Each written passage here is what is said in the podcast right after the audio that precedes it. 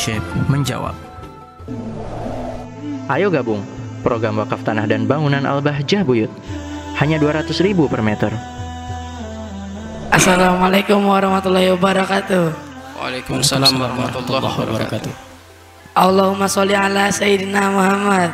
Allahumma sholli wa sallim wa barik alaihi. Afwan, Abah izin bertanya. Apa hukumnya mencukur di tengah malam? Sakron. Apa? Apa hukumnya mencukur di tengah malam? Oh, Mencukur rambut di tengah malam. baik, potong rambut di tengah malam. Ya. Ya kalau orang Cirebon pamali. Ya kan, tapi pamali ini gimana pamali itu kan gitu.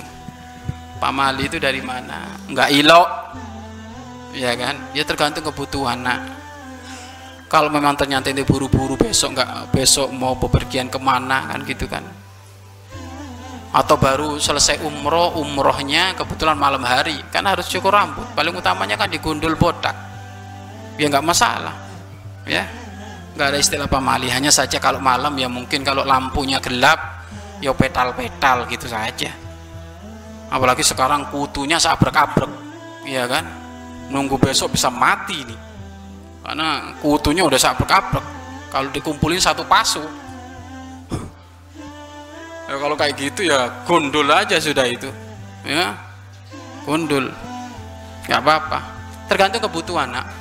Kalau nggak ada kebutuhan yo potong rambut malam-malam yo ngapain? Kalau nggak ada kebutuhan. Tapi kalau ada kebutuhan ya. Besok mau ketemu dengan gurunya. Nggak ada kesempatan lagi besok ini. Ya kan kita pingin kami lulahai ah pingin sempurna di hadapan guru nih. Ya potong rambut di malam hari nggak apa-apa. Jadi tergantung kebutuh kebutuhan. Tapi kalau nggak ada kebutuhan ya nggak usah. Potong rambut di siang hari aja. Tapi itu nggak sampai derajat kayak apa kayak apa itu enggak dalam arti wow kalau potong rambut nanti rezekinya peret. Nah ini urusannya dari mana? Potong rambut rezeki per peret. Nggak ada. Kamu jangan bikin prasangka yang jelek kepada Allah. Sudah. Kalau memang inti butuh harus potong di malam hari ya karena mungkin korengnya sudah seabrek-abrek ya kan?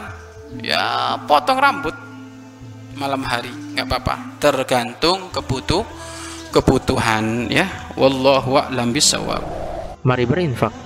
Untuk operasional lembaga pengembangan dakwah Al-Bahjah Buyut.